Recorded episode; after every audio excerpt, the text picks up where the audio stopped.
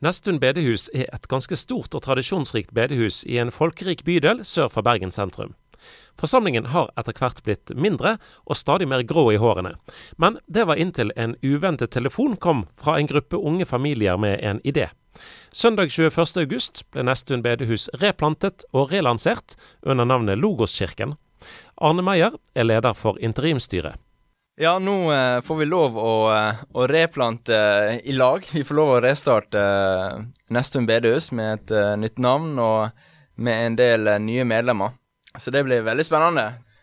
Så er det altså en, etter hvert en ganske god gjeng med yngre familier annet, som nå skal engasjere seg i den nye Logokirken, i tillegg til de som altså var aktive på Nestun bedehus eh, fra før av. Mm. Men, men hvordan oppsto denne tanken og ideen, og hvordan kom en dit at en faktisk gjorde det? Det begynte jo egentlig med at uh, jeg har jo gått her i Salem uh, en stund, og da var det en pastor Salem, som altså er Misjonssambandet sin menighet midt i Bergen sentrum. Ja, det stemmer.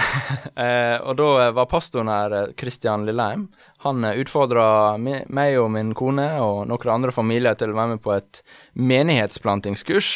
Eh, M4 Ready heter det. Og vi var ingen eh, Vi hadde ingen menighetsplanter i oss. Vi hadde ikke en plan om å, om å bli en menighetsplanter, men eh, etter hvert så eh, kom ideen om, opp, og eh, det virka spennende, og eh, vi kjente at det var noe vi så mer og mer verdien av. Eh, og så var det flere familier som også opplevde det. Eh, og så kom det en tanke om Nesttun. eh, Ja, for du hadde jo egentlig sett for deg kanskje å gjøre noe i den bydelen der du, der du bor, en annen bydel som heter Fyllingsdalen. Ja, det er naturlig å tenke gjerne der man bor. Um, men så så vi at det skjedde noe på Nesttun. Der var det noen som hadde tatt kontakt med et bedehus som de kjente fra før. Og uh, vi så at uh, der gjorde virkelig Gud ting, og det skjedde veldig fort, og det kom veldig naturlig. Så da så vi at der var et behov, og vi hadde lyst til å være med på det. Men det er jo ganske frimodig da å ta kontakt med et, et bedehus med en eksisterende forsamling og si hei, vi har lyst til å komme og plutselig restarte og gjøre ting helt eh, nytt. Ja, jeg veit ikke hvordan eh, det ble ordlagt i de første samtalene, men eh, det, var, det ble møtt med en veldig stor eh, jubel og en veldig stor entusiasme. Og i løpet av vinteren og så var vi innom flere ganger sjøl på gudstjenestene, og jeg har aldri blitt tatt så godt imot av en menighet før, så det var helt enormt. Forsamlingen på Nestun bedehus besto på dette tidspunktet nesten utelukkende av personer over 50 år. Vi hadde lenge tenkt at får vi ikke inn yngre generasjoner i huset, så kommer ikke arbeidet her til å fortsette særlig masse lengre, forteller 60-åringen Paul Røstøl til avisen Vårt Land. Det var i oktober i fjor at han mottok henvendelsen om Indremisjonsforsamlingen på Nestun var interessert i å gjøre noe nytt, sammen med et par familier fra Misjonssambandet sin forsamling Salem i Bergen sentrum. Siden den gang så har flere hengt seg på, sånn at det nå nærmer seg 15 yngre familier som deltar i oppstarten av Logoskirken. Eh, nå er det jo mange flere enn bare fra Salem bymenigheten som eh, har blitt med. Det er familier både fra Trondheim som har flytta til, og eh, fra andre kirker rundt om i byen, og også folk som ikke har gått i kirke, som har blitt med på det her allerede før det begynte. Men hvordan eh, jobber dere da? For, for da er det jo på en måte én gruppe som har gått i bymenigheten midt i sentrum, eh, og så er det da de som har gått på dette bedehuset fra før av. Hvordan eh, jobber man for å prøve å bli én, at det ikke blir to parter som trekker i hver sin retning, eller et eller annet sånt?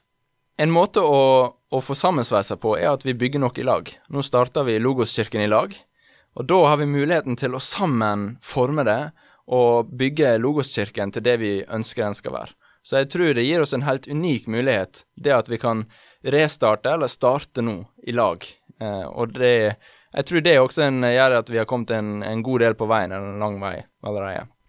14. august var siste samling etter den gamle ordningen i Nestun bedehus. Søndag 21. august var det oppstartmøte for Logoskirken, med snorklipping, konfettiregn fra taket og generelt god stemning. Nå fortsetter arbeidet med å bygge én ny flergenerasjonsmenighet. Og så ganske fort, eh, noen helger etterpå, så skal vi på leir i lag. Og ha en eh, skikkelig menighetsleir der vi blir eh, enda bedre kjent, og kanskje blir enda bedre, eller enda mer sammensveisa, da. Hva kommer Logoskirken til å satse på? Hva, hva vil Logokirken? Vi ønsker å være en generasjonskirke som er der for folk i, i alle livets faser.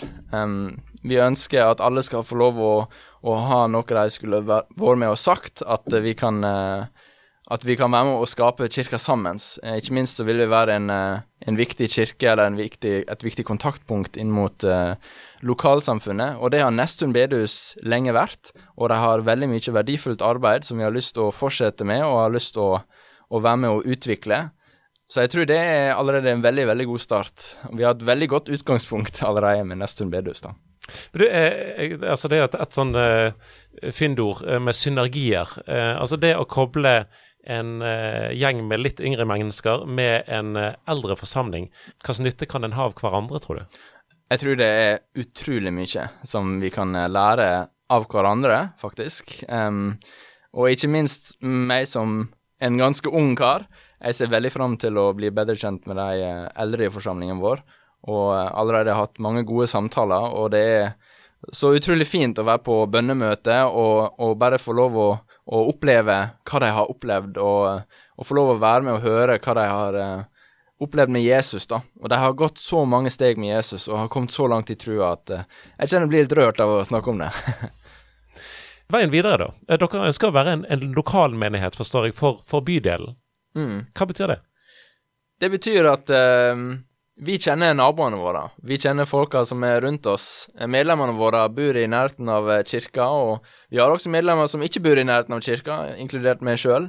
Men det betyr at det blir lettere Eller det, forhåpentligvis så er det lettere å ta med naboen sin, f.eks., i kirka. Og ikke minst eh, så er det jo mange ting som skjer i hverdagen. Vi har eh, tilbud for eh, psykisk utviklingshemma, vi har formiddagstreff for de som ønsker det, og vi har eh, klubber for barn. Så det er mye forskjellig som skjer i løpet av en uke. Og eh, folk har ikke lyst til å Eller mange folk har ikke lyst til å reise veldig langt for å sende ungene sine på en klubb, f.eks. Så da er du litt avhengig av å være i nærheten av barna. Tror jeg, da. Det blir jo spennende å se. Vi må nesten invitere deg tilbake igjen kanskje om et års tid eller noe, og høre hvordan det har, eh, har gått med dere. Eh, hva er du sjøl spent på? Nei, jeg, jeg, er veldig spent på det meste. Det har vært veldig mye arbeid, og um, klart, når jeg sitter der som en jeg skal være en styreleder, så er det et, eh, et vanvittig stort ansvar da, som jeg kjenner på. Um, både det å ivareta de, de, eldre medlemmene, de som har kommet fra Nesttun, og også kunne ivareta de nye, og, og, prøve å skape en kirke som kan romme alle, da. Um, ikke bare familiene, som vi har snakka mye om, men også de enslige, eller de som har eh, kanskje mista noen, eller ja. Det er mange forskjellige mennesker som har opplevd mye forskjellig, og det er Ja, det er iallfall det jeg personlig tenker mye på, da. Hvordan vi kan være en kirke for, eh, for de fleste. Jeg eh, vet du om det har vært gjort noe lignende tilsvarende tidligere som dere kan lære av, eller er det andre som etter hvert kan lære av dere, tror du? Vi har hørt om noen eh, plasser der det har skjedd. Vi har hatt noen menighetskonsulenter, både fra NLM og IMF, um, som har hjulpet oss på veien og har fortalt oss litt om forskjellige andre lignende prosjekt uh, som har skjedd, men uh, det skjer ikke så veldig ofte. Men kanskje mer i framtida. Du har hørt en podkast fra Petro. Du finner masse mer i vårt podkastarkiv på petro.no.